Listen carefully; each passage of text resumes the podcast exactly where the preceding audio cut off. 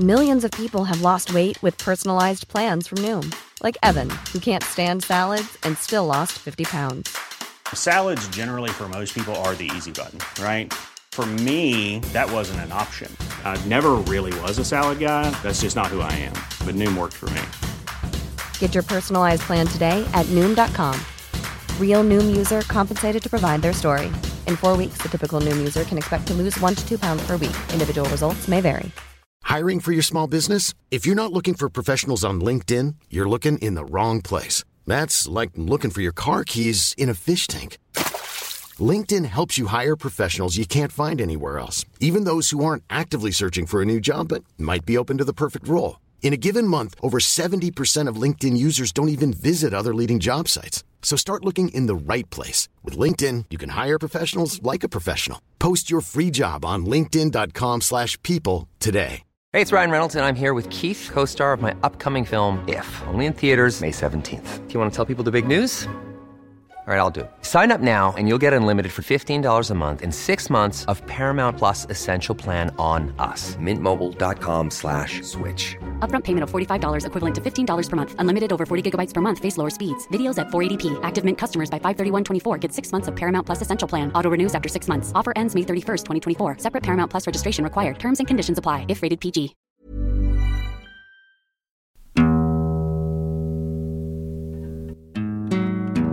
Hei og hjertelig velkommen til en episode av Ordre-mysterier. Mitt navn er Silje. Jeg heter Halstein. I dag skal vi ha en bonusepisode om et DNA-funn som nylig ble gjort. Og denne DNA-undersøkelsen den er gjort av Gjenopptakelseskommisjonen som et ledd i begjæringa til Per og Veronica Orderud. Og det er veldig spennende. Hvorfor det? Fordi Kristin Kirkemo har jo alltid benektet at hun var delaktig i attentatforsøkene mot Anne Ordre Paust og Per Paust. Men nå har det kommet frem et nytt DNA-treff som viser at hennes DNA ble funnet på teipbiter som var festa til den bomba. Ja, for vi vet jo at under det første attentatforsøket så ble det forsøkt plassert en bombe under bilen til Anne Ordrup Haust. Og det var vel ingen som først var sikta eller mistenkt i den saken der, da den på en måte først eh, kom opp. Og i alle fall ikke Kristin Kirkemo. Hun ble jo ikke kobla til de her attentatforsøkene før første rettssak, men det her ble jo også etter hvert lagt bort, da, ettersom at de ikke fant noen bevis som knytta henne til attentatene, samt at hun benekta det her, da. Ja, det er på et sett og vis riktig. Samtidig så ble hun jo tiltalt for eh, det bombeattentatet i herredsretten. Ja, og det er veldig interessant, fordi lagmannsretten, da ble hun rett og slett frikjent for det. Så det var ikke noe gode bevis mot Kristin i og med at hun ble frikjent. Det var jo bare indisia. Det er veldig interessant, og det skal jo sies at det er flere som har påstått at Kristin har skrøtet på seg de her attentatforsøkene. Men hun har alltid benekta dette, og det har aldri vært noe bevis eller noe spor som kan knytte henne til det i det hele tatt. Før nå, i dag, er første gang de har funnet et DNA-spor, og så lurer jeg på hvorfor det har tatt så gærlig lang tid. Det tror jeg handler om at teknologien går framover, og at vi nå har flere muligheter til å teste gammelt materiale som ikke var mulig før i tida. Ja, og heldigvis så har du tatt vare på de her teipbitene. Og den gang så var det sikkert ikke mulig å få noe resultat ut av de analysene, men nå er det åpenbart uh, har teknologien kommet mye lenger. Kristin ble aldri avhørt i forbindelse med attentatforsøkene, men hun ble selvfølgelig avhørt om det under rettssaken, altså etter drapene. Og da var det flere vitner som prøvde å koble hun opp mot attentatet, som du har sagt tidligere. Og at de hevder at Kristin skal skrytte på seg at hun hadde stått bak det ene, i hvert fall. Og at hun hadde festa en bombe under bilen til Anne Ordre Paust og Per Paust. Ja, så er jo spørsmålet kan det være noe hold i det her. Som sagt så har jo Kristin alltid benekta det her. Og etter at denne saken kom ut, så er det flere som har forsøkt å ta kontakt med henne via hennes advokat. Og han sier eh, typ det samme til alle, at eh, hun ønsker å legge denne saken bak seg, og har hele tida sagt at hun ikke har noe med saken å gjøre. Ja, det er nå åpenbart hold i opplysningene. Det er jo et sikkert DNA-treff som kobler hun opp mot den bomba. Det betyr ikke nødvendigvis at Kristin har utført det, men hun er i hvert fall innblandet på en eller annen måte, i og med at hun har tatt på den teipen. Og nå vet jo ikke vi om eh, politiet har noen andre spor som de ikke har gått ut med, eller noe sånt, men så er jo spørsmålet hvis de finner ut at det her var Kristin, da, og hvis de finner flere holdepunkter, kan hun bli dømt igjen? Nå har jeg lest at den saken her, altså attentatforsøkene, er forelda. At en sak er forelda betyr at det har gått så mange år at ingen lenger kan straffes for saken. Det er bl.a. gjort for at flere skal stå fram i saker som lenge har vært uoppklart. Men i alvorlige straffesaker som drapssaker så har de altså fjerna foreldelsesfristen. Så Orderud-saken f.eks., den kan ikke bli forelda. Men attentatsaken, den kan altså være det. Ja, det er for at folk skal komme med mer opplysninger, ja. Hvis de sitter med viktige opplysninger om en sak som er uoppklart, og pårørende vil ha et svar, så er det lettere at folk som har opplysninger, kanskje står fram hvis de vet at de ikke blir straffa for det. Ja, men med det så lurer jeg på, fordi foreldelsesfristen har gått ut, så politiet skal jo ikke ta denne saken inn. Men så er spørsmålet kan de det uansett, fordi det her er et indisium til at hun kan ha vært med på drapene. Ja, det er et interessant spørsmål. For det, det, ikke, det innvirker ikke på selve attentatsaken. Kristin kan jo ikke dømmes for det, åpenbart. Og hun er jo dømt for medvirkning til drapene, så hun kan heller ikke dømmes eh, på nytt for det. Men hun er ikke dømt for hovedhandlinga, altså utførelsen av drapene. Så spørsmålet er om det beviset her kan inngå i den etterforskninga eller ikke. Og det her er jo selvfølgelig ikke nok til å dømme henne, siden den har en foreldelsesfrist. Men så er spørsmålet om de kommer til å sjekke ut flere ting i saken, om de kan koble opp mot eh, andre hendelser, og Tore Sandberg, f.eks., privatetterforsker til Per og Veronica Orderud, han er jo nå klar på at dette betyr at saken bør gjenopptas. Ja, Vi kan gå inn på bakgrunnen for hvorfor han mener det. og Det er jo fordi at han mener at det er en sammenheng mellom attentatforsøkene og drapene. Og Det er veldig mange som er enige om akkurat det. Det er jo jeg også enig i. At eh, det høres ut som det er en klar sammenheng mellom attentatforsøkene og drapene. At det ikke er to forskjellige grupperinger. Det tror i hvert fall ikke jeg. Det kan jo hende, men det er veldig lite sannsynlig. Ja, og Arvid Sjødin, som nå er advokat til Per Orderud, han eh, slenger seg på. Han er også enig med Tore om at saken bør bli gjenopptatt. Og vi vet jo at det er strenge krav til å få en sak gjenopptatt, men et punkt som f.eks. kan få en sak gjenopptatt, er jo nye bevis. Og selv om dette er et bevis fra attentatforsøkene, så er jo fortsatt dette et bevis som ikke har vært oppe i retten før. Og hvis attentatforsøkene da blir kobla til det her, så kan det være en påvirker for at saken eventuelt kan bli gjenopptatt, tenker jeg. Det er nok riktig observert, ja. I tillegg, et veldig vesentlig poeng, det at Per og Veronica Orderud er jo dømt hovedsakelig på Kristin og Lars sine forklaringer. Og rettssaken handla i stor grad om troverdighet. Og nå vet vi at Lars Grønnerød han jo kobla tettere opp mot 180-samtalen via de nye opplysningene til Øystein Millie. Og det har vi pratet om tidligere. Og nå ble Kristin eh, kobla enda tettere opp mot attentatforsøkene gjennom det nye funnet her som igjen påvirker hennes troverdighet, fordi at hun har jo forklart at Per og Veronica Orderud har bestilt våpen. De har mottatt våpen på lille julaften 1998, og de har planlagt drap på foreldrene og søstera til Per Orderud. Og I lys av det nye funnet så vil det påvirke hennes troverdighet, fordi hun har jo forklart at hun ikke visste noe om attentatene, og at Veronica ville ha våpen til selvforsvar fordi de var redd etter attentatforsøkene mot Anne Ordre Paust og Per Paust. Men hvis Kristin har medvirka til attentatforsøkene eller vært delaktig i det, så viser det at premisset for Helgens forklaring er jo feil. Ja, det stemmer. Og bare for å skyte inn det med Lars, da. Han har jo selvfølgelig benekta at han var 180 mann. Han har jo blitt spurt om det av Øystein Millie. Ja, det er jo ikke et like klart bevis, fordi det er et spor, men her er det jo et vitne som har sagt i ettertid sånn Lars var her, men det er jo ikke noe konkret som knytter han til det. Men med Kristin så er det jo et konkret DNA-bevis, og det er jo ja. ja. Det er et veldig viktig skille, ja. Med Lars var det snakk om indisia, mens med Kristin så er det et teknisk funn som ikke kan bestrides. Ja. Det eneste som kan diskuteres, det er jo hvordan DNA-et hennes har havna på tapebitene. Ja. Det kan jo være forskjellige muligheter for, men uansett så får jeg jo et voldsomt forklaringsproblem, vil jeg si. Men spørsmålet er hva har det her å si for f.eks. Per Veronica, da? Er det grunn nok til gjenopptakelse, tenker du? Ja, nå er ikke jeg noen ekspert på gjenopptakelsesvilkårene. Da må vi egentlig høre med advokater hvis vi skal få et riktig svar der. Men ut fra mine observasjoner og oppfatninger så virker det som at det er et nytt bevis, og det er et av vilkårene for gjenopptakelse. I tillegg så er det et bevis som kan endre Kristins troverdighet. Som, eh, da har du to relativt sterke momenter der som jeg føler taler for gjenopptakelse. For at det er jo såpass mye usikkerhet nå rundt saken at jeg føler det ryddigst at den blir tatt opp på nytt og behandlet på nytt, så får vi et ordentlig svar. Men jeg tenker som så at uavhengig av eh, skyldspørsmålet når det gjelder Per og Veronica eller Kristin for den saks skyld, så er dette fortsatt en uoppklart drapssak. Det er ingen som mm. vet hvem som skjøt på gården. Og bare med det tenker jeg at det er nesten grunn nok i seg sjøl til å gjenoppta den, og i alle fall hvis man finner beviser i så mange år eh, i etterkant. Og så vet vi også at det ble gjort et våpenfunn tidligere, men de har vel ikke klart å eh, funnet ut om dette faktisk eh, var et våpen som ble brukt da. Men det er jo flere ting som har kommet fram i ettertid som kan på en måte diskuteres, da. Det er masse elementer som har kommet opp eh, i løpet av årene, som du sier. Det med våpenfunnet, vi vet ikke om det er drapsvåpenet, men det er i hvert fall et nytt våpen. Det med magasinet som Kripos mente var drapsmagasinet, men som Tore Sandberg har tilbakevist. Og vi har jo også tatt en prat med Veronica Orderud tidligere i sommer, og også pratet om noen barnålsbevis som blir testa ja. på nytt. Det er jo også noe som ikke har vært oppe i, i saken fra før, disse bevisene som nå testes på nytt. Når det gjelder barnålssporet, så skal det testes opp mot Kristin Kirkemo for å se om det treffer der. For det ble å finne noen barnåler på en parykk som hun hadde, også på noen sokker.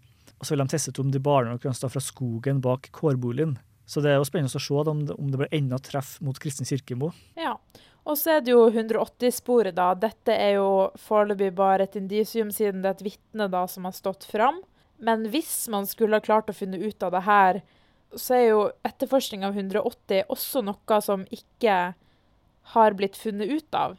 Det ble aldri konkludert med noe.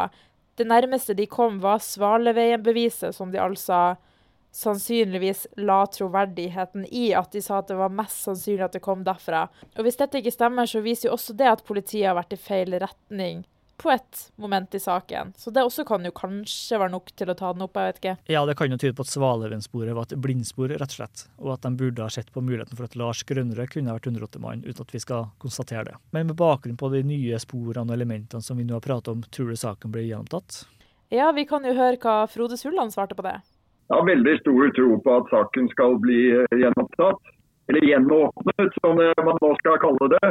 Eh, her er det tillegg til en del av de tingene jeg nå har pekt på, og, og ytterligere omstendigheter som tilsier at dommen var uh, uriktig den gangen, så er det jo altså, som jeg har nevnt, innlevert betydelig nytt bevismateriale som gjør at det er vanskelig å se hvordan kommisjonen i det hele tatt skal komme utenom å gjenåpne denne saken. Og saken er jo forelda, men hvis denne skal tas opp i f.eks. Orderud-saken, så tenker jeg det kommer litt an på alvoret i det her attentatforsøket, da. Det som skal sies, er jo at det ble aldri funnet tennsats på denne dynamitten, så er jo spørsmålet om det kun var en advarsel og ikke et reelt forsøk, da. Og da er jo spørsmålet om det er en forskjell. Vi vet jo ikke nå om tennsatsen ikke var på fordi det var en feil, da, men det var jo ikke noe umiddelbar fare fordi den ikke var lada.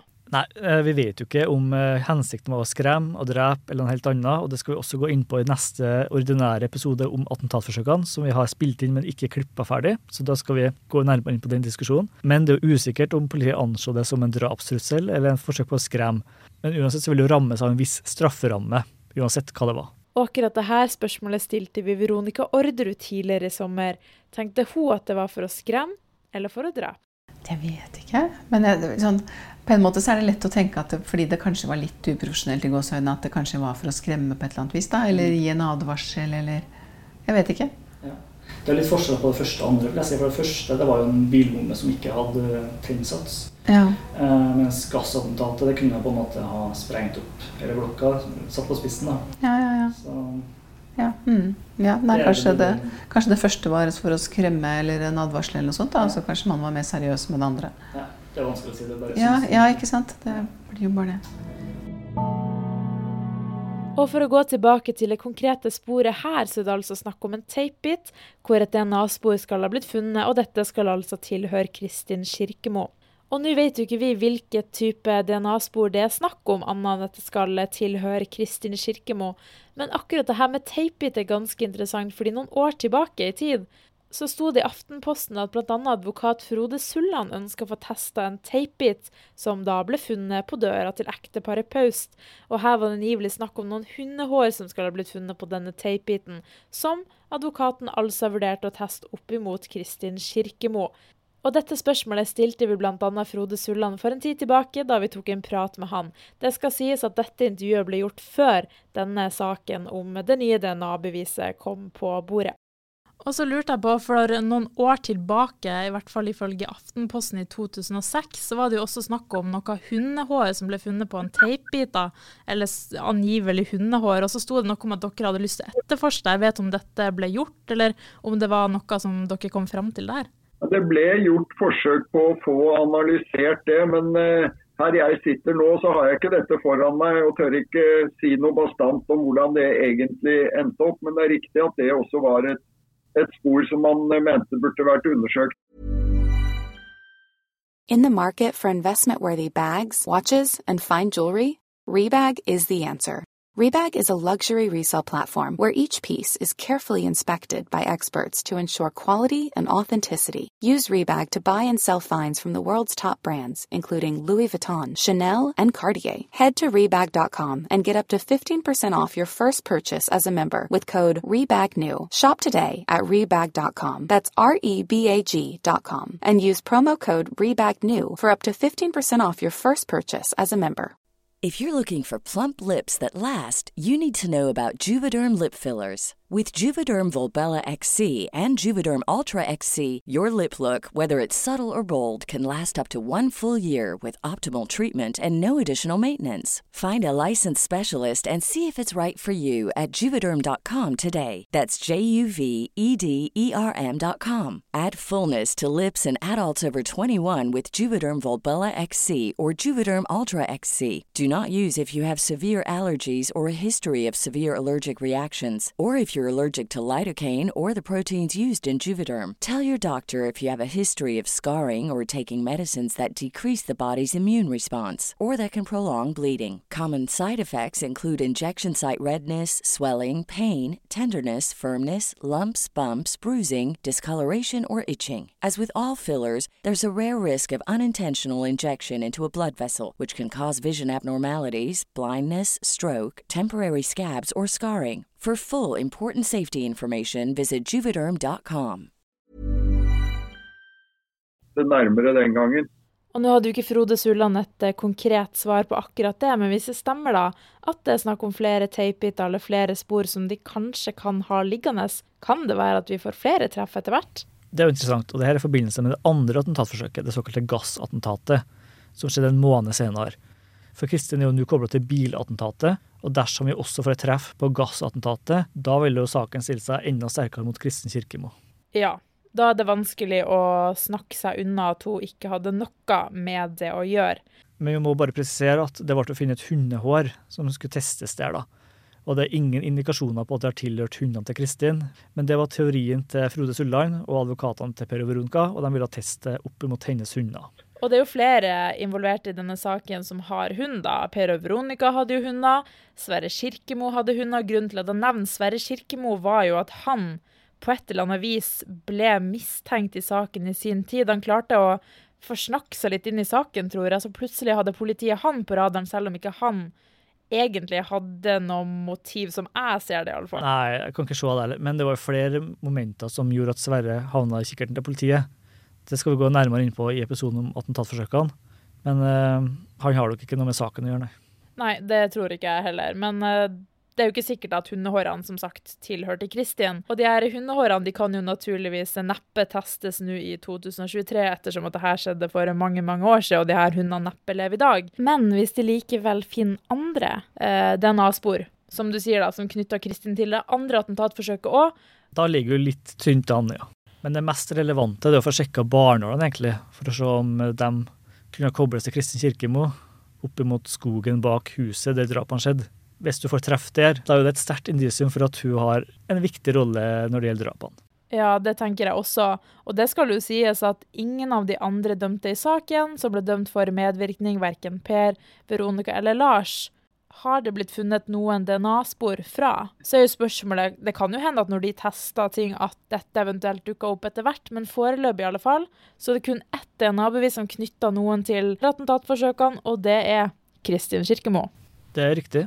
Og så syns jeg også det er interessant at det er Per og Veronica som prøver å få saken gjennomtatt. Og hadde de gjort det hvis de eh, var usikre på om de kunne bli felt av DNA-bevis? Altså, De har jo sona ferdig straffen sin, og hvis de skulle bli dømt på nytt, så har jo de fått maksstraff uansett, men det går jo mer på um, at de hele tida har sagt sin uskyld, da. Da er det jo litt dumt hvis det kommer fram at de har på en måte snakka uærlig i så mange år og jobba så hardt for å få saken gjenopptatt. Men det betyr jo ikke at man er uskyldig fordi man jobba hardt for å få en sak gjenopptatt. Det kan jo hende at man bare har lyst på erstatning, da. Man vil bli frikjent fra saken. Ja, som du sier, det er jo ikke noe garanti for at du er uskyldig selv om du begjærer saken gjenopptatt. Men de har jo hevda med styrke i alle år at de er uskyldige. De har brukt flere millioner på private etterforskere, og har stått på sitt da i alle år, som sagt. Men det er jo også en mulighet for at de kan være skyldige i medvirkning, men ikke har vært med på drapene, og dermed vet at de ikke kan bli felt av noe bevis. Ja, det er et argument, det, men vi vet jo at Kristin og Lars, selv om ikke de har jobba for gjenopptakelse av saken, men de fikk jo heller ikke maksdraft, det skal jo sies da, så har jo de fortsatt eh, sagt at de er uskyldige hele tida. Selv om de har valgt en annen retning og legger saken bak seg, så er jo ikke det at man har brukt mye penger nødvendigvis et bevis på at man er mer uskyldig enn noen andre, da. Nei, i seg sjøl så beviser det ingenting. Nei, og de også har jo uansett mer å vinne. La oss si at alle fire er uskyldige, så har jo alltids Per og Veronica mer å vinne på i alle fall prøv. For de to andre de er jo ikke dømt til maksstraff, men det er jo Per og Veronica. Ja, du tenker at uh, Kristian Lars eventuelt kunne ha fått mer straff da hvis de hadde uh, prøvd å få saken gjentatt, og det hadde uh, slått feil. Ja, la oss si at alle fire er skyldige, da, som retten la til grunne for, selv om ingen er dømt for selve drapene. Så har jo Per og Veronica sånn sett ingenting å tape fordi de allerede er dømt. Mens Lars og Kristin de kan jo på en måte bare få mer straff hvis de skulle bli dømt ytterligere, da. Det er sant. Kristin fikk jo bare 16 års fengsel i lagmannsretten. Hun fikk jo faktisk strafferabatt fordi at retten mente at hun bidro til å oppklare saken. Så hun har jo absolutt mest å tape på å fronte saken, for å si det sånn, da. Ja, og i tillegg til at politiet la jo hennes forklaring til grunn, da. Så hvis hun skal gjenoppta saken, så må jo hun eventuelt endre forklaringa på et vis. Ja, Kristin har jo innrømma uaktsom medvirkning, for å si litt folkelig, at hun har eh, levert noen våpen, hun har overført drapsplaner, men hun har ikke prøvd å stoppe det. Så det i seg sjøl, det gir en viss strafferamme. Nå går vi egentlig på kjernen da, når det gjelder gjenopptakelse, ikke at Kristens troverdighet kan bli påvirka av det nye funnet. Det kan det, for hvis det viser at hun har snakka uærlig med tanke på at hun har hele tida hevda at hun ikke har hatt noe med attentatforsøkene å gjøre, da kan man jo så tvil på andre ting hun har sagt. Sånn rent konkret, da. Det viktigste det er jo forklaringa om drapsplanlegging lille julaften og overlevering av våpen til Per og Veronica. Ja, men så er det jo veldig vanskelig i saken her, fordi alle fire, uavhengig av skyld, har jo blitt tatt i løgn flere mm. ganger. Så man kan jo snakke ærlig om én ting og snakke uærlig om en annen ting uten at det nødvendigvis eh, svekker en annen forklaring. Men det er jo klart at når man blir tatt i løgn, så er det jo sannsynlig at man Mer sannsynlig i alle fall at man også har snakka uærlig om andre aspekter i saken. Vi kan jo bare kort eh, oppsummere hva Per og Veronica har tatt i løgn for. De påstår at det aldri har vært noe våpen på Ordregård og at det aldri har gått av noe skudd. Og det viste seg jo å være løgn, rett og slett. Så de kom jo veldig skjevt ut fra starten. Og jeg tror det var en viktig del av hvorfor de ble dømt, at de kom litt skjevt ut. Og ble ansett som at de hadde lav troverdighet pga. forklaringa om juleselskapet, våpen og det med kjøpekontrakten. Ja, han hevda jo først at det var en ekte kontrakt, men det viste seg jo ikke stemme.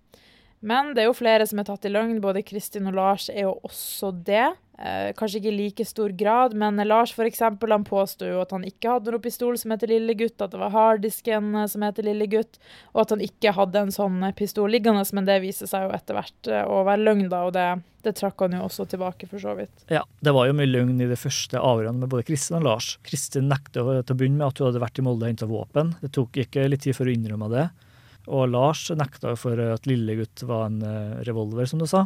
Og så var det mye fram og tilbake mellom Kristin og Lars i avhørene, der eh, Kristin kom med informasjon om noe våpen, og Lars kom med informasjon om Kristin tilbake igjen. Så det ble liksom en sånn taktisk spill mellom dem to. Og i tillegg så vet vi at en av de lyver om juleselskapet, fordi Kristin sier at det har skjedd drapsforlegging, Lars sier at det ikke har skjedd, så en av de lyver jo der uansett. Det er åpenbart. I tillegg til at det sannsynligvis en eller to eller tre lyver om hvordan det skuddet gikk av, fordi både Per Lars, Kristin og Veronica sa jo for øvrig forskjellige versjoner om hvordan det skuddet gikk av. Det har vi jo snakka om i episoden ja. av Juleselskapet, så det kan man jo gå tilbake til og høre der, da. Så det er jo noen som eh, lyver i saken her. Og det er jo i stor grad en sak som bygger på troverdighet og ulike forklaringer, som er veldig motstridende.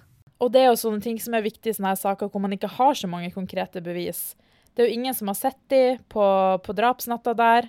Ingen kan knytte til drapet. Så det er jo bare troverdighet. Og her, uavhengig av skyld, har jo alle tråkka i salaten flere ganger. Per og Veronica mista jo en del troverdighet eh, da det kom fram at det hadde gått av et skudd i det bordet. Det ble jo påvist av eh, teknikerne. Og på samme måte kan vi si at Kristin nå har mista en del troverdighet fordi at hun knyttes til det første attentatforsøket. Som igjen gjør at man kan sette spørsmålstegn ved forklaringa hennes om de andre medtiltalte. Spørsmålet er jo hvilken type DNA som er funnet, for det står det vel ikke noe om med enda. Kan det være fingeravtrykk?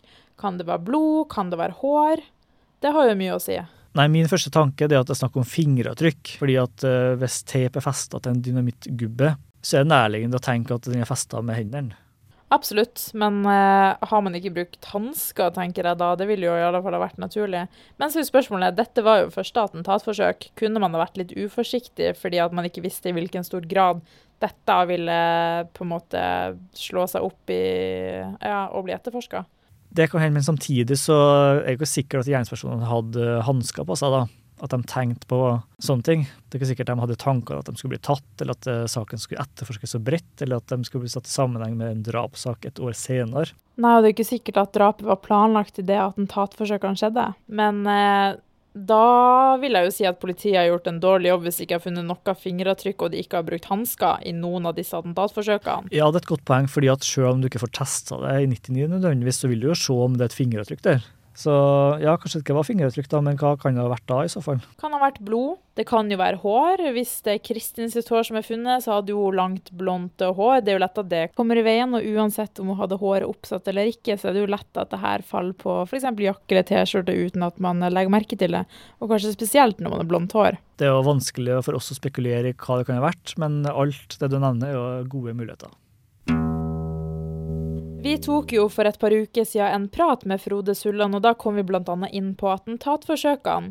Og da spurte vi bl.a. om det her med at attentatforsøkene aldri ble gjenopptatt eller lagt så mye fokus på, spesielt i andre rettsinstans. Til det så svarte Frode Sulland følgende.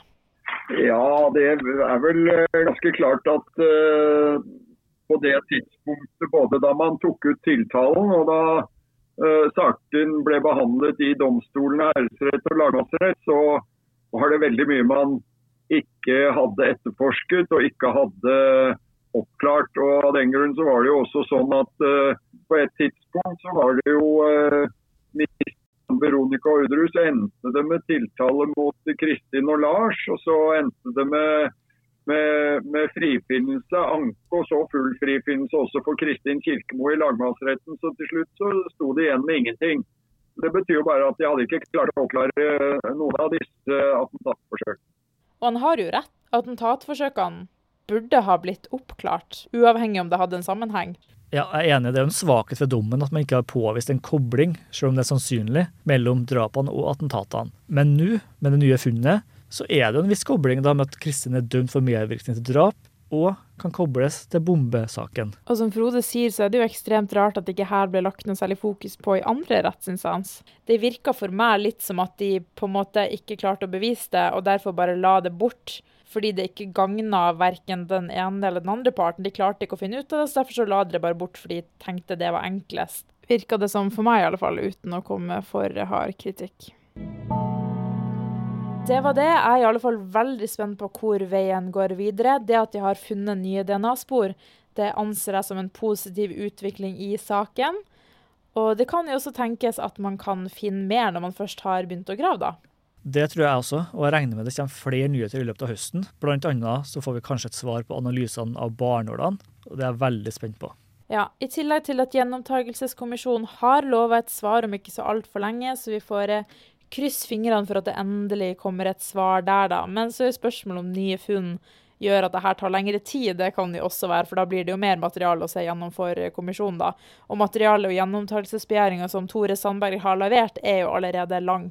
Absolutt. Det er jo, jeg vet ikke hvor mange sider, men uh, i hvert fall 600. Og over uh, 25 vedlegg, så vidt jeg husker. Og så har det bare kommet til mer og mer vedlegg-opplysninger i nyere tid. Så det er jo en massiv oppgave å gå gjennom alt det der. Absolutt, men jeg tenker for Per og Veronica og Tore Sandberg og Frode Sulland, som er da advokaten til Veronica Orderud, og Arvid Sjødin som er advokaten til Per Orderud, så er jo dette en positiv utvikling med tanke på at de ønsker saken gjenopptatt.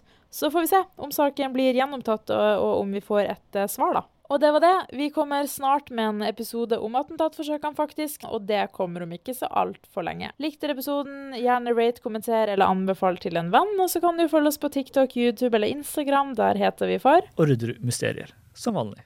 Vi høres!